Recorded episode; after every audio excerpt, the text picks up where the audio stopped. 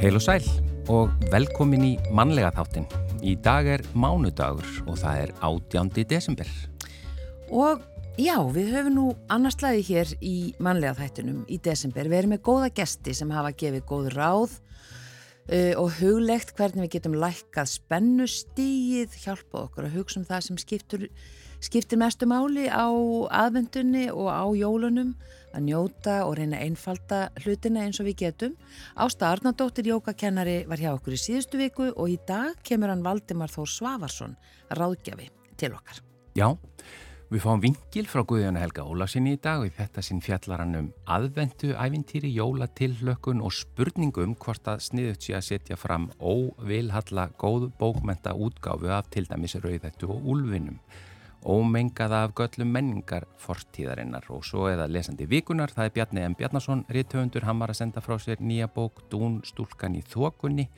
Við fáum alltaf að segja okkur aðeins frá henni og svo auðvita frá því hvaða bækur hann hefur verið að lesa undanfarið og hvaða bækur og höfundar hafa haft mest áhrif á hann í gegnum tíðina.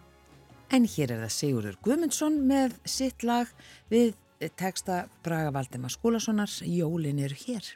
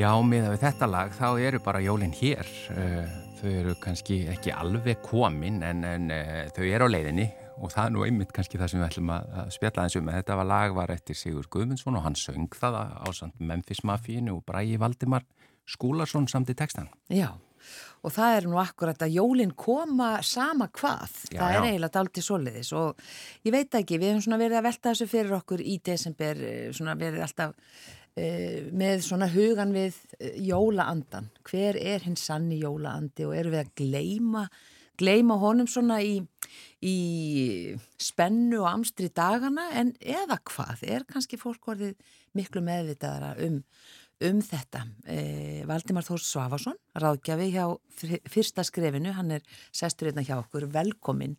Takk fyrir. Í síðustu viku voru með hann ástu Arnardóttur, jógakennara, Já, sem saði okkur að svona í mestu streytunum væri sniðut bara að horfa til himins og skoða stjörnunar og hugsa með sér, já mikið er nú, já, bara veröldin falli og Já. nóg af tækifærum allstaðar. já, einmitt, einmitt. Já, það er sannlega rétt, sko. Það er- gaman að fara svona heimsbyggilega hugleðinga með þetta, ef maður einmitt sér fyrir sér, sko, eitthvað svona notalega stað, segjum í sveitina, því vorum að tala um sveitina hérna áður en við komum hérna inn í beina. Já. Að, hérna, þú sér fyrir þér svona eitthvað fallega laut eða eitthvað stað bara sem að þið þykir væntum, eitthvað stáð út í náttúrunni. Um, þú kæmir einn þar eða þið kæmið bara einn á staðinn, þá er algjör friður sko. það er ekkert vesen þar sko og var friður áður þú komst og ef þú ferð þá er áfram bara friður þar Já. þannig að sko friðurinn er ekki eitthvað sem við búum til, hann er við eins og að manneskjullar eru svolítið duglega við að kannski búa til ófriðið mitt og hraða og streitu oft á tíðum og það hefur svona þetta gengið upp og niður og, og eflaust Um, ég, ég ímynda mér að þetta sé eiginlega svona þrýr hópar sko, sumir bara finna mikið fyrir þessu sumir spá ekkert í þessu og sumir kvíða Mm. ég held að fari bara svolítið eftir svona manni sjálfum og kannski nánast umhverju hvernig maður heldur þetta sé almennt sko, Já.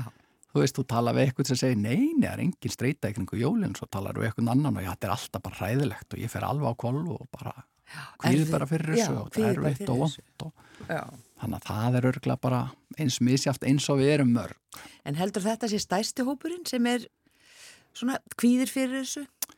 um, eflaust sko ef maður sko bara svona út frá rökhugsun þá ég meina hvað er aðfangadagur núna á lendir hann á sunnudegi þannig að það er nú svona tildulega stutt jól. E, flestir eru bara í vinnu þá, þú veist fram á bara föstudag og hérna þetta er bara venjulegt líf og mörg finnum við kannski alveg fyrir álegi bara í venjulegu lífi. Bara að sjá, sjá um bara daglegar þarfir og sinna hvað sem það eru þá börn eða og bara heimili almennt og lífinu og vinnu og allt þetta.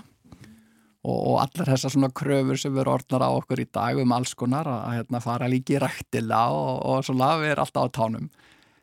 Koma enga bara, bolta. Já, missa enga bolta og, og hérna, svo koma jólin bara sem bara viðbót. Ég meina allt hitt er í gangi.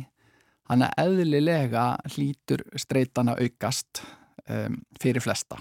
Mm. það þarf að sinna ymsu og aftur sumir taka því kannski mjög alvarlega eru með væntingar um, aftur sumir líka einmitt er að kljástu kannski slæmar minningar, vonbrigði, það er ímislegt sem að hérna hefur uh, komið upp á í kringum jól hjá mörgum og þar alveg er það kannski svona einhver föst tilfinning að þetta sé mitt svona kvíðvanlegur tími og, og ekki góður og þá er það auka streyta ef það er bara það sem að þú ert alveg vissum. Þannig að það er svona svolítið eins og að vakna upp og setja á sig fjólublá glerugu sko, þá er allt fjólublátt og þannig er það bara eiginlega með allt sko að það segir á góðum stað sko verði þér að trú þinni. Þú veist að ef ég er alveg ákveðin í því að jól séu sko kvíðvalegu tími streitu valdandi og erfiður óþægilegur, þá er hann það. Þá er ég bara að leita staðfestingum þess Ég, ég, velti fyrir mig hvort það geti verið streituvaldur að maður sé það meðvitaður um að það sé streita á leiðinni og, og þetta sé að koma að maður verði stressaður yfir því að reyna að, að, glíma við það á réttan hátt og verða að þetta, er orðið svona vítarhingur nánast. Já, hún segir nú hérna, ég nú hlust á hana hérna, Erlu, hérna sálfræðing Svepp, hérna Björns. sérfræðing Erlu Björns. Og fleiri þetta sem hafa hérna, skoða það fyrirbæri sko, vandraði með svepp mm. Að, að, og það sama á við um kvíða og margt annað að það er einmitt kvíðin fyrir því að verða kvíðin sem að eigur kvíðan eða ja. kvíðin fyrir því að óttin við að sopna ekki eigur uh, líkurnar á því að sopna ekki einmitt.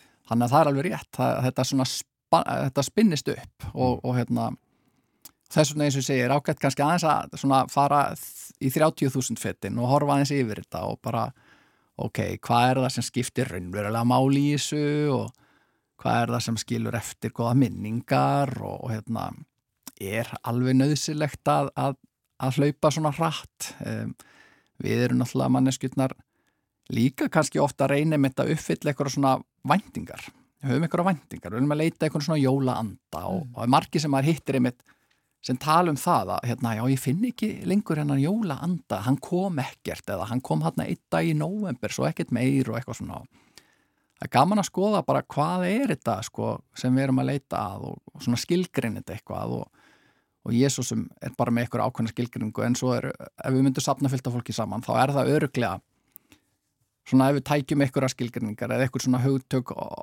tilfinningar, upplifanir þá, þá myndi ég halda að mjög ofalega á lista allavega kæmu svona orðins og friður kærleikur eitthvað svona gott, eitthvað svona já, þú veist bara að langa, notaleg notalegt þú veist og svona vilja öllum vel bara og vonandi bara fá allir að borða og við erum bara góð hvort annað og gaman að sjá gleðina og eftirvendingunni í börnunum og eitthvað svona.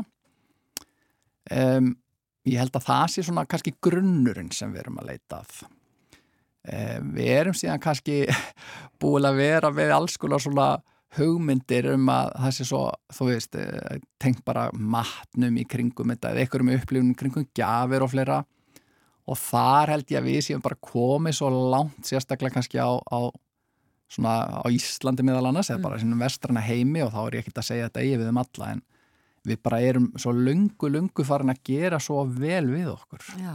það er ekkert lengur sama sportið að fá einhverja ekstra góða máltíð eða fá einhvert pakka, þetta er orðið bara víða. Þú veist, það er bara orðið streytuvaldur út af fyrir sig, þú veist, þú getur ekki toppað neitt lengur og hvernig allar að gleði eitthvað sem á allt og allt þetta sko. Þetta er svona komið, já eins og segi hérna í gamla daga þá var held ég maðurinn svolítið að upplifa bara hamingi og veljaðan í gegnum það að sko uppfylla þarfir sínar. Núna erum við að reyna að ná í það í gegnum sko langanir. Og það er bara svolítið erfitt þú veist að, að það er einhvern veginn aldrei neitt nóð þar. Nei, það er nú það.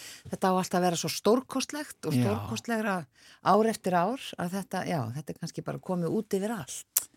Já, Já, og þá getur blandast inn í þetta líka svona hugtak sem við erum nú mikið unni með hjá fyrsta skrefinu sem heitir meðvirkni þar sem við förum svona að bera okkur sama við þeim og horfa aðra og, og svona erum mikið að hugsa um okkur hvernig mun þessi upplifa það þegar ég gefa honum þetta? Og þá erum við komin inn í hugarheim annar og við erum svona að virka með öðrum, við erum meðvirk og mm. það er bara fellegt, það, þá ertu bara búin að missa svolítið stjórn þá er gott að stoppa um þetta og anda og eins og hérna, þú lendir á þann að horfa bara upp í heiminin og og svona sækja einhvern innblástur bara á frið. Og það er jú líka bara stórst atrið í þessu og það er ekki tægt að ræðum þetta kannski öðru svona nefna það, ég minna við erum hvaða svo sem uh, svona miða við setjum á það en við erum andleg, það er eitthvað skonar svona upplifun sem að, ég held að fæstir geti neitað að, sé til hvað hva sem að það tengist einhverjum trúabröðum eða ekki sko, það er allt annað mál en en við erum andlegar verur og það er gott að staldra við og svona draginandan og svona finna bara einmitt einhverja svona, svona heildræna tilfinningu sem er góð. Já, akkurat. Og það einmitt er oft gott að gera út í náttúrunni eða, eða einmitt að horfa upp í heiminin og, svona, og taka kannski ákvarðanir um að nóg sé nóg. Akkurat. Já, ég þekki, einmitt, ég talaði við, við einn mann um daginn sem sagast hafa pakkað öllu inn í ágúst.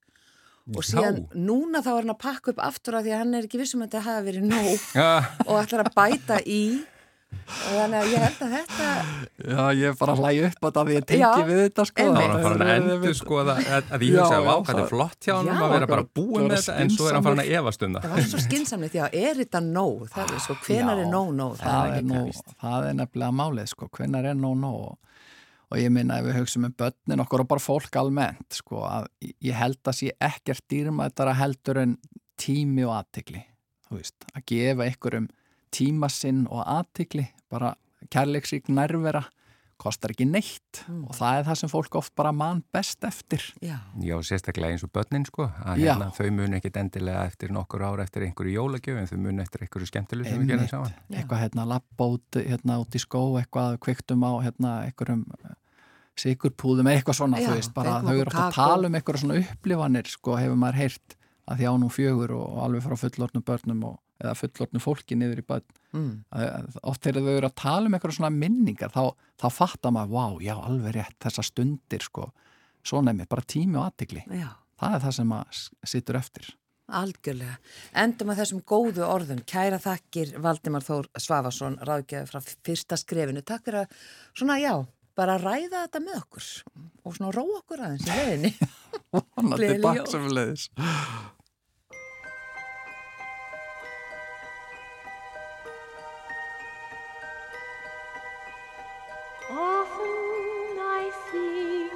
This sad old world is whistling in the dark,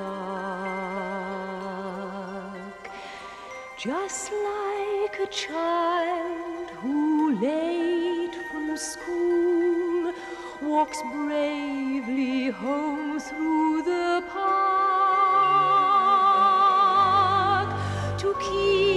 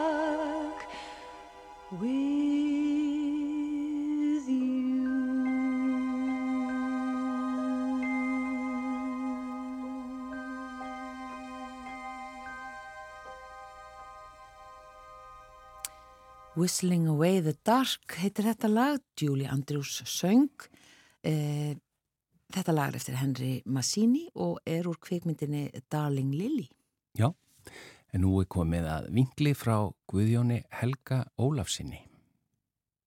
Ágætu hlustendur, nú er þriðji sunnudagur í aðvendu að baki og ég óska ykkur notaleg heita á gleði, nú sem endra nær og skára væri það nú. Ekki dettu mér í huga að óska ykkur miðlungs kærleika fyrir komandi jólaháttið, það gengur ekki og það annars síður vildi ég að kalla yfir ykkur lámarks hátíðleika. Ég er ekki skeppna og við notum efstastigs lýsingarorð varðandi hamingi óskir komandi jóla. Allt annað er humbúk. Jólin eru tími hinna miklu ævintýra. Við hlustum á jólalög, lesum bækur, horfum á kvikmyndir og þætti sem margir hverjir innihalda svo lítil ævintýri sem gleiði okkur. Já, eða vekja til umhugsunar og gera okkur kannski að ögn betri manneskjum fyrir vikið, ég vona það. Og ekki veitir víst af, fréttamiðlar fær okkur tíðindi af víguvöllum heimsins oft á dag. Daglega er saklausu fólki fórna á alltari grimdar og samkendar skorts, það er auðvitað ömurlegt og við þurfum að berjast við okkar innri skratta og púka sem heimta að við séum ekki að hugsa um neitt svona ræðilegt og erfitt. En staðrindin er auðvitað að hryllingurinn í heiminum þrýfst á aðgerðarleysi og samstöðuleysi almennt. Flest eru nú ævintýrin sem við höfum fyrir augum og eirum á aðvendunni tengd þeim jólabóðskap sem nýtur almennrar hilli í okkar nærsamfélagi. Þetta eru kunnuleg stef, sérstaklega hjá þeim sem eru aðeins komnir til vits og ára. Við þekkjum söguna um Jésu barnið í jötunni, líka staðbundnar auka personur eins og til dæmis grílu og jólasveinana, jólaköttin og, og fleira hugvekjandi, hátilegt og skemmtilegt. Fjölskyldur halda meira upp á sumar jólasögur og ævintýri en aðrar. Hér á bæ er gömul teiknimyndi miklu uppáhaldri. Dæturum mínum finnst enn ómissandi að horfa á jólaósk önnubellu á aðvendunni. Og fimm ára dóttur dóttir tekur þeim jólasið opnum örmum. Mér rátt að mæla með þeirri ágætu mynd og bóðskapnum fyrir alla, óháð, aldri og þjóðfélagsstöðu. Sjálfur held ég gríðarlega upp á jólamyndina með Jóka Byrni sem létti okkur bræðurum byðina á aðfangadag fyrir tæplega hálfri öld sem er merkilegt í ljósi þess að við erum bara 25 ára. Nú á dögum er auðvitað miklu betra aðgengi að skemmti efni heldur en hjá okkur sískinum og fransískinum sem heldum hópin hvað mest í æsku. Nú eru snjalltæki í flestum vössum, sjónvarpstæki eru tengd við hinnar ímsu streymisveitur og nýlegir bílar hafa flestir skjái sem nota má til afþreyingar fyrir börn og fullorna. Það er kannski allt í lagi bara en nútíma börnin missa auðvitað af því að sitja á loðinu sætiskóveri aftur í tvenra dyrra Ford Cortina af árgerð 1976 og fylgjast með umferðinni á meðan mamma og pappi sinna einhverjum erindum.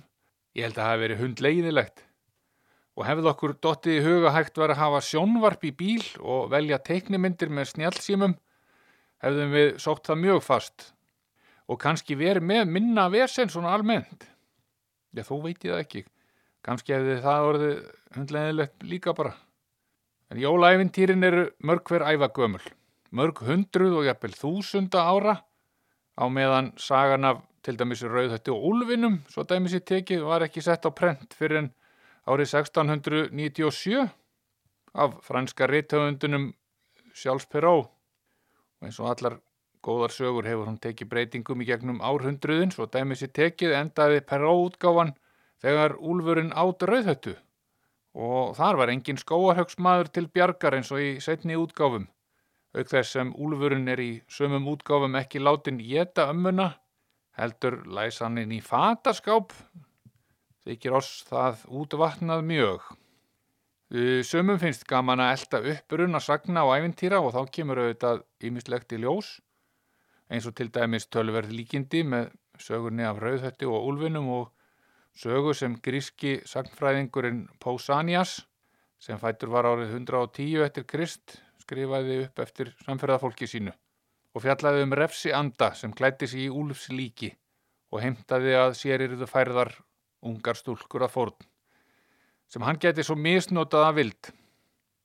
Gekk svo lengi vel, andin fekk sífælt nýjar og nýjar stúlkur, Þanga til glímukappin sem við segja hnefaleikarin, Eutímos, barðist við andan refsiglaða og drap, giftist að lokum nýjasta fórnalampinu og lifið þau lengi síðan og vel.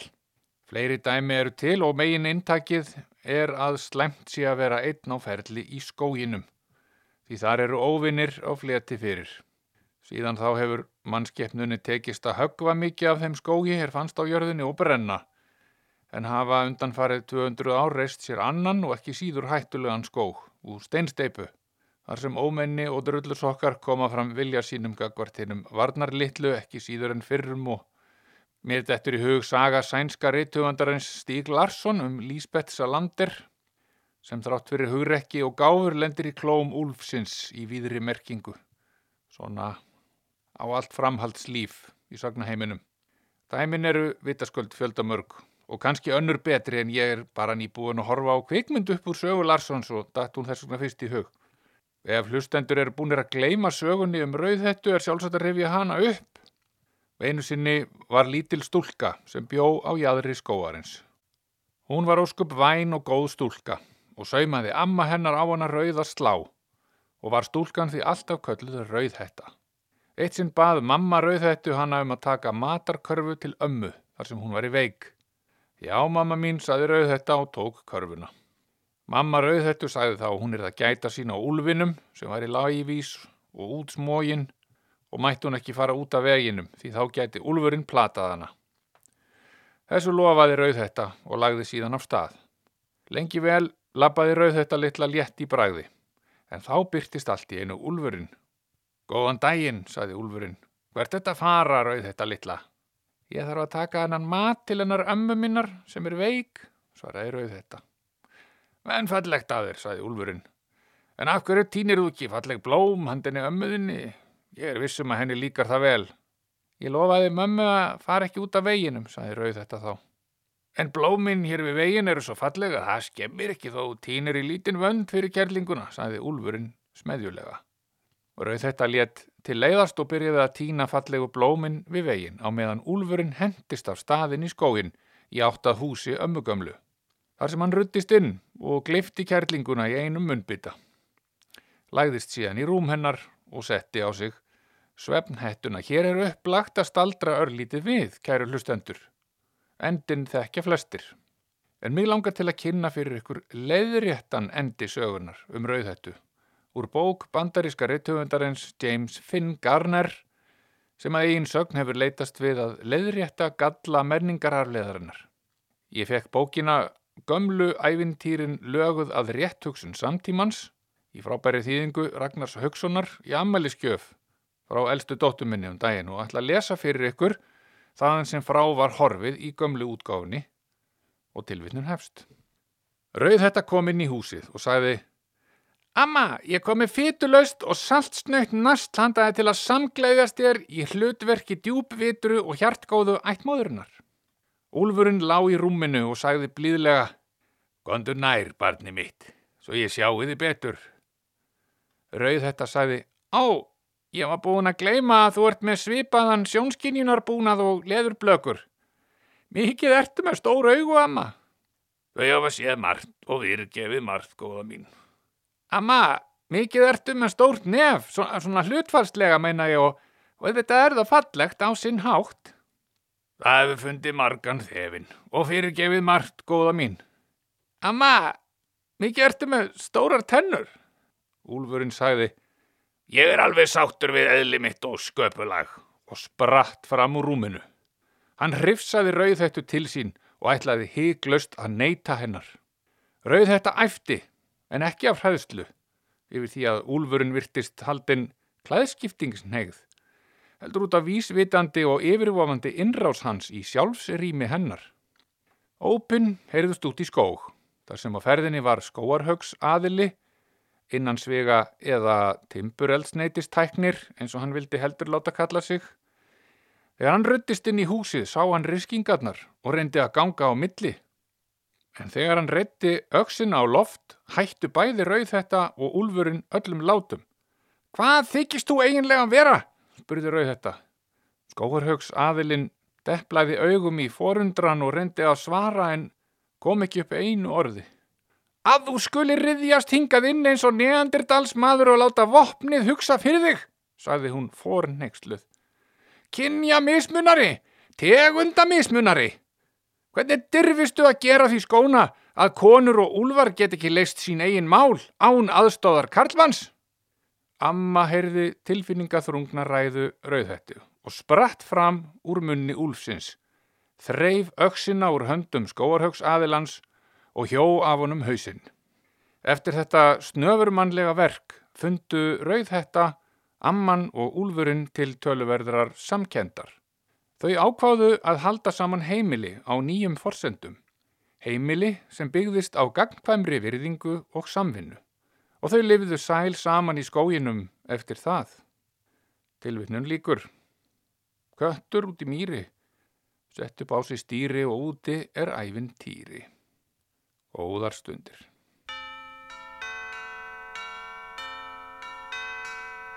Someday at Christmas, men won't be boys, playing with bombs like kids play with toys. One warm December, our hearts will see a world where men are free. Mm, someday at Christmas, there'll be no wars when we have learned what Christmas is for. When we have found what life's really worth, there'll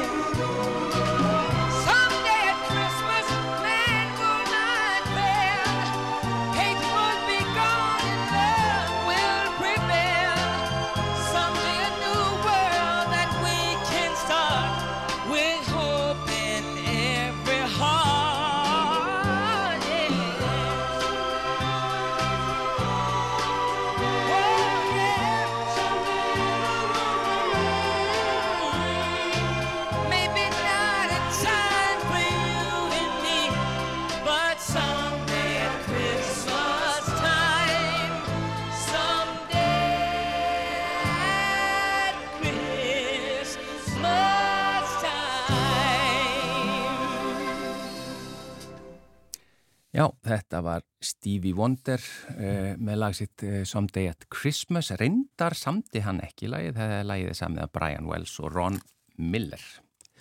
En það er komið að lesanda vikunar og hann er hinga komin Bjarni M. Bjarnason. Velkomin og takk fyrir að taka að þér þetta hlutverk. Takk hérlega fyrir að bjóða mér. Það, það byrjum bara, uh, það er bók nýkomin út eftir þig, Dún stúlkan í þokunni. Já, Hvað, segð okkur aðeins frá henni, hún er nú aðeins tengt því sem þú mun tala um líka á eftir það sem þú hefur lesið. já, hún uh, gerist á, á 19. öld á Langanesi og segir mikið frá Draumajóa sem var rannsakaður í fyrstu dul sálarfræðir rannsókninni á Íslandi. Uh, ég stiðst við atriði úr hans lífi frá því hann er uh, um 10 ára fram að því hann er 23 og uh, þetta er saga um uh, alþýðu fólk helst á langanissi sem að hefur mjög margt að móti sér og verður fyrir því sem að við í dag myndum kalla áföll, trekk í trekk en lifir ekki í þannig uh, heimi að þú verður fyrir áfalli og svo getur þú fengið sérfræðing til að hjálpa þér og komast yfir það heldur er möguleikin að komast yfir hlutina ekki til staðar heldur þarftu bara að lifa með þeim. Já, og ég skoða svolítið hvernig fólk sem að hafiði ekki þetta e, velfærikerfi kringu sig e, neitt öryggi e, enga sérstaklega formulega mentun e, komst af e, við erfiðar aðstæður og hvernig e, mennska þess e, sýnir sig. Við þekkjum það e, í dag að það eiga sér stað hryllilegir atbyrðir sumir segja að á slikum tímum þá breytist manneskjan í, ófresku en, en svo þegar við hugsaum um fólki sem er í aðstæðanum þá vitum við að það er mikið að því vennilegt fólk og það er að að hjálpa stað og að bjarga hvert öðru.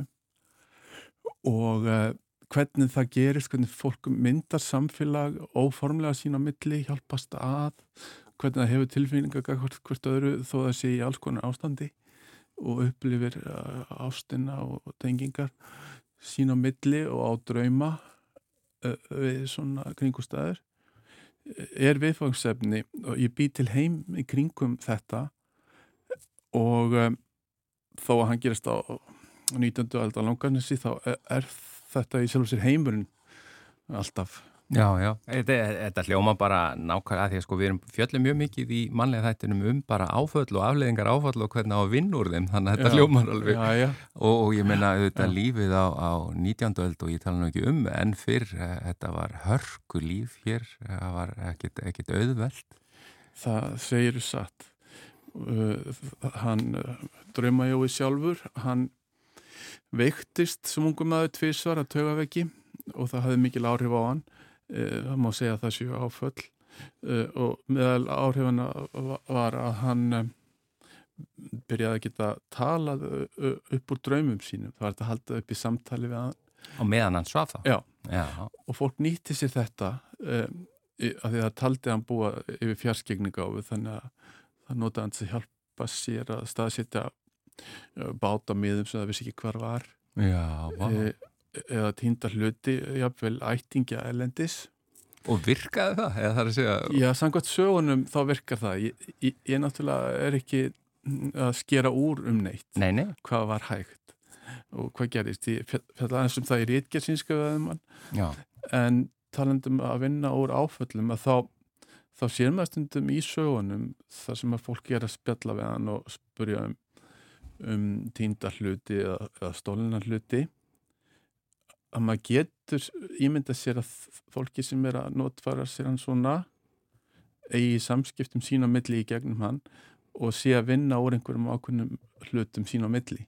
Já, en hann verður svona uh, þáttakandi Mm. þó hann sé sofandi áhugavert við, við komum aðeins betur að honum dreyma jó á eftir uh, þú ert líka búin að vera að skrifa núna uh, doktorsríkjörð, ekki satt? Jú, það er og rétt það tengist því að því við erum að fara núna þú ert fengin hingað sem lesandi vikunar og, og lesefnið sem þú ætlar að segja okkur frá það tengist þið það ekki rítgerðinni Jú, það gerir það. Hún uh, heitir Sjóvota draumskaldið mm? og, og ég er að rannsaka draumvísur í íslenskum þjóðsögum ég sapnaði þessum vísum saman. Það er, e, eru núna orðna vel á þriðja hundrað og eins og næri maður geta þá þá má ég því miður ekki vera að ég að lesa neitt annað heldur í kringum veru. Það er svona einna kvatina því að klára hana þess að geta lóksis að lesi það sem langar þess að lesa. Þetta er ekki alveg nýjar bækur sem þú ert búin að vera að lesa ég sé hérna eins og Gilgamesh kviða Já, ég eh, skoða í raun og veru mm, drauma í heimsbókmyndunum, mm. í bókmyndasögunni til þess að setja draumvísurnar í íslenskum þjóðsögum í eitthvað samengi Mm -hmm. hafa eitthvað svona viðmið um, hvað hlutverki draumar alltaf skegna í bókmyndum og ég byrja á Gilgamesh sem er stundum uh, um, kölluð elsta bókmyndaverk heimsins Mm. og, og maður getur þá sagt elsta svona heilstæða bó, bókmyndaverkið sem að segja frá Gilgamesh sem að er talin hafa verið upp um 2500 fyrir Krist sem var konungur. Og hann eh, e, svona van nýtir vald sitt, hann nýðist af fólki sínu, hann tekur uh, konur uh, giftra manna frálsri hendi og, og, og hérna hann lætur íbúan að byggja íbúa úrúkborgar, byggja mikið mustir í þrælaði mút. En síðan byrjum hann að dreyma að það komi til hans verður anstæðingur það gerist eftir að fólk fer að formálanum og, og Guðveitni senda honum ver, verður hann anstæðing sem að heitir Engidú og hann er náttúrumadur hann er anstæða þess að siðmenta Gilgames konungs uh, sem er spiltur af, af ríkidæmi.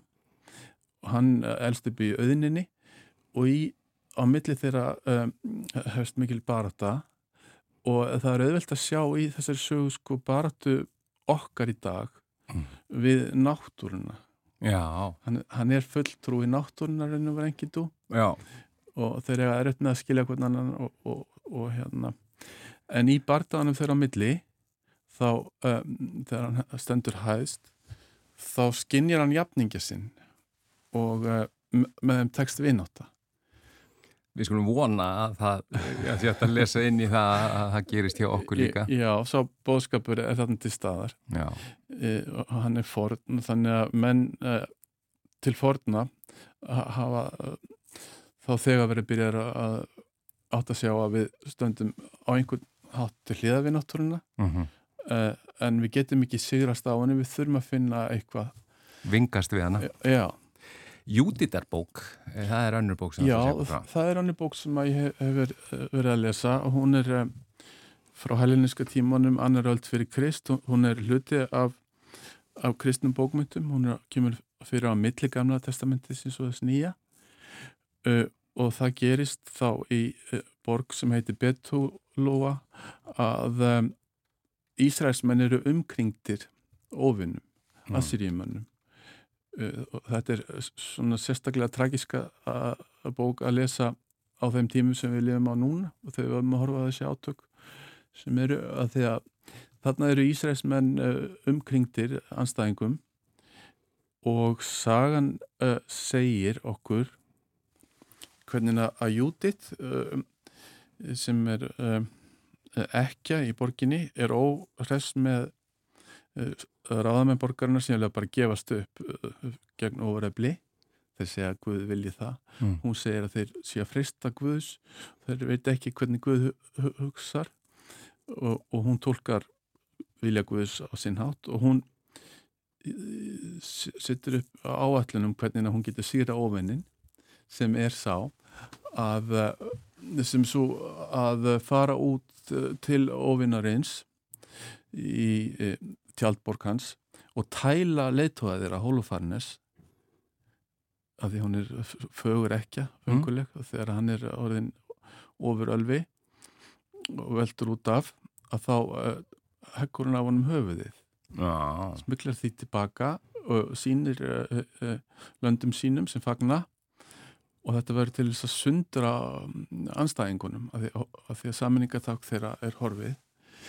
Og, og hún sangat sögunni þá fær hún hjálp Guðus við þetta.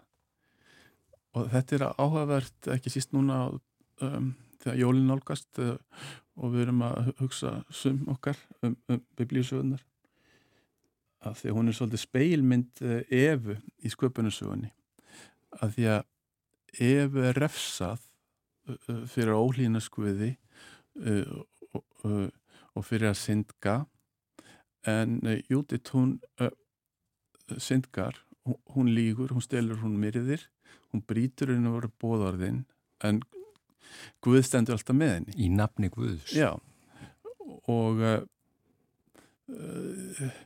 þetta er áhugavert að sjá þess að konur speglast en það er líka áhugavert að sjá hvernig Guð er oft tengdur hernaðarhyggju og, og, og, og draumum um, manna um, um að hafa mikinn mátt með sér í stríði. Já, fó- það er yfirleitt eða oft eh, finnst fólki þau vera með guði í liði eh, hvort þó jafnvel báðar fylkingar bara á sikkurum endanum. Já, En hérna, eh, svo er það bók eftir Ágúst H. Bjarnason, Draumajói, já, eh, sem að er þá náttúrulega tengdur, eða Draumajói sem er í bókinni þinni, ekki sér? já. Ég, ég las hann, hana tengt uh, Guðfræði, ég skrifaði um hana líka rítgerð og, og, og Ágústa Bjarnason er á, þeim tíma þegar að vísindaheggjan er voðalega mikið að reyðja uh, burtu uh, kristinni trú og, og, og, og svona grafa undan trúarkend manna og hann hefur ákveðna löngun til þess að eh, nota vísindalega aðferði til þess að sanna trú fólks. Og það er sögu fara af draumajó að hann búi við fjarskegningáfu uh, og hún er í raun og verið þannig að þú í, í svefninu þá, þá ferðast hann eins og sá- sál.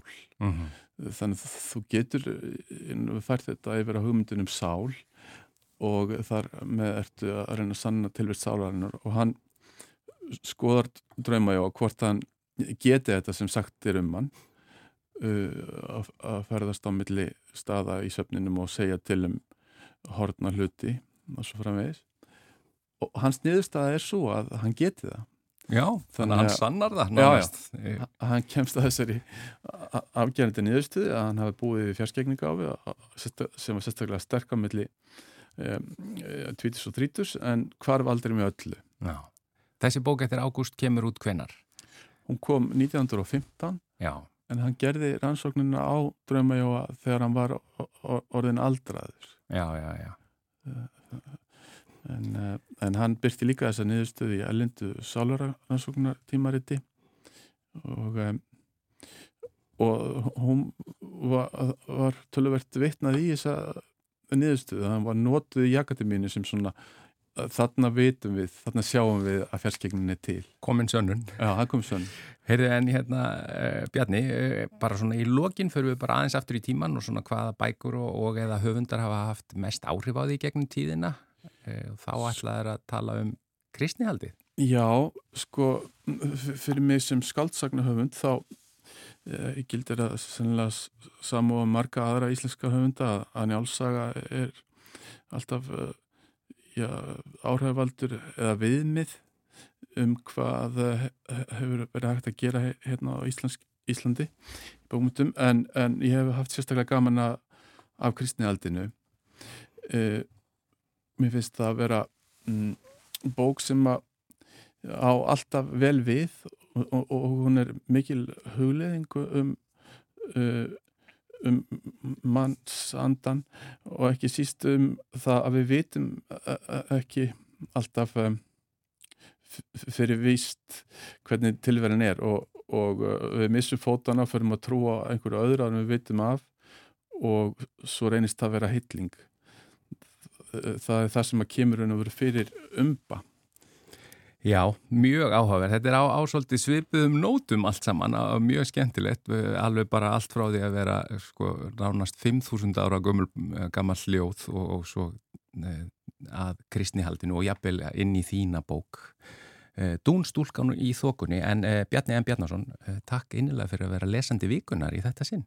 Takk fyrir mig Þá er þættinum bara lokið í dag. Við þökkum innlega fyrir samfélgina og verðum hér aftur á sama tíma á morgun. Verið sæl.